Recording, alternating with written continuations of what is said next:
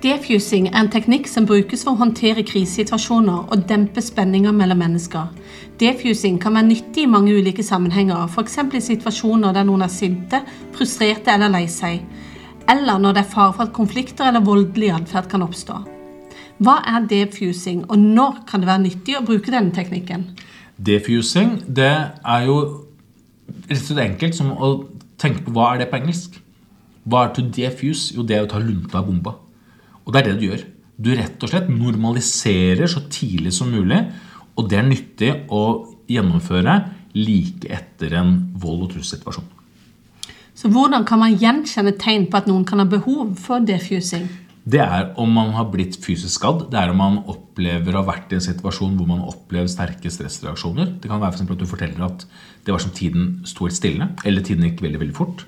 Eh, hvis du forteller om tunnelsyn, du forteller at det var det var som å se seg selv i sakte film.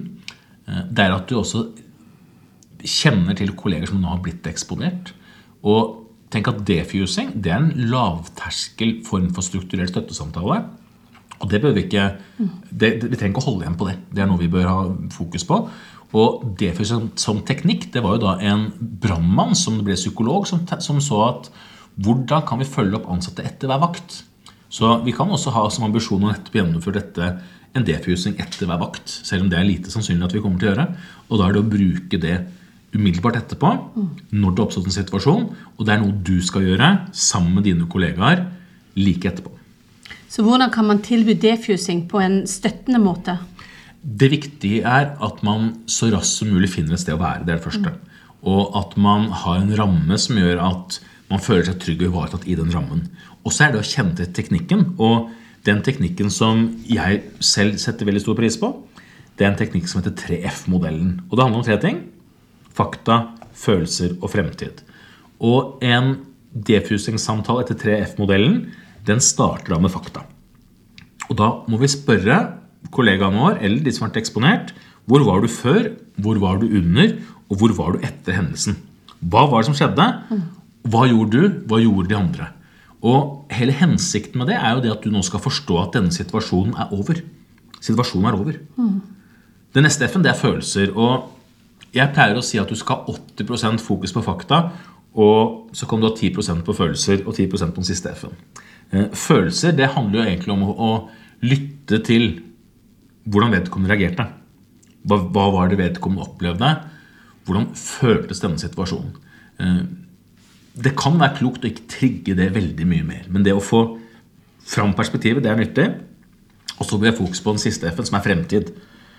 Og fortelle om naturlige stressreaksjoner. Hva er det du kommer til å oppleve når du kommer hjem? Mm. Jo, Du kommer sannsynligvis til å oppleve litt dårlig mestring. Mm. Du kommer kanskje til å ikke ønske å komme tilbake på jobb i morgen, men det skal du, for da skal vi gjennomføre en ny samtale. Og jeg har brukt defusing akkurat i den 3F-modellen etter mange veldig veldig alvorlige hendelser og sett hvor utrolig god effekt det har gjort. Men da er det klokt å tenke at dette kan gjennomføre tre dager etter hverandre. Eh, og Det har vært veldig alvorlige hendelser, og det har gått veldig fint med de involverte.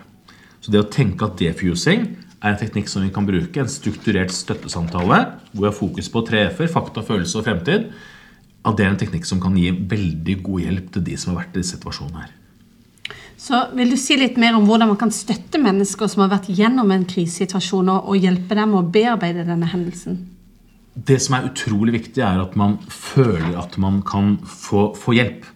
Og det at du kan ta kontakt med noen rundt de opplevelsene du har hatt. Eh, og kanskje spesielt der hvor ikke det har blitt fanga opp av andre. Jeg tror det er noe kanskje aller, aller viktigste. Og det at vi har en rutine for dette her hos oss. Mm. At etter en voldssituasjon, etter en trusselsituasjon, så gjennomfører vi en defusing.